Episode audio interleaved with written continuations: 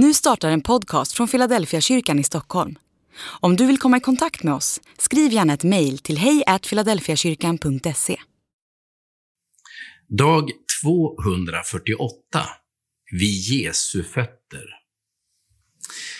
Lukas berättar om fyra människor som finns vid Jesu fötter. Det är två kvinnor och två män. Och det tror jag är en viktig poäng.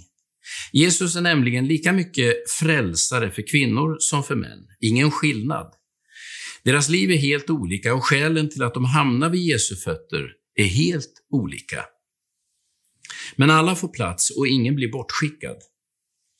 Platsen vid Jesu fötter är symboliskt laddad. Den som finns vid hans fötter finns ju så nära Jesus man kan komma.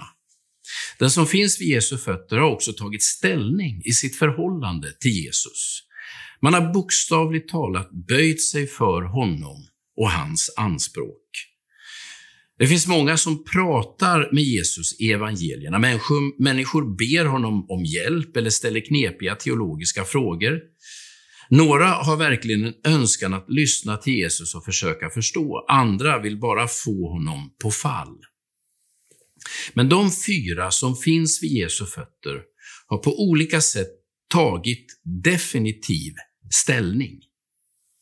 Antingen för att nöden inte ger någon annan utväg, eller också på grund av ren tacksamhet, eller som Maria, Martas och Lazarus syster, därför att det är det mest självklara i världen.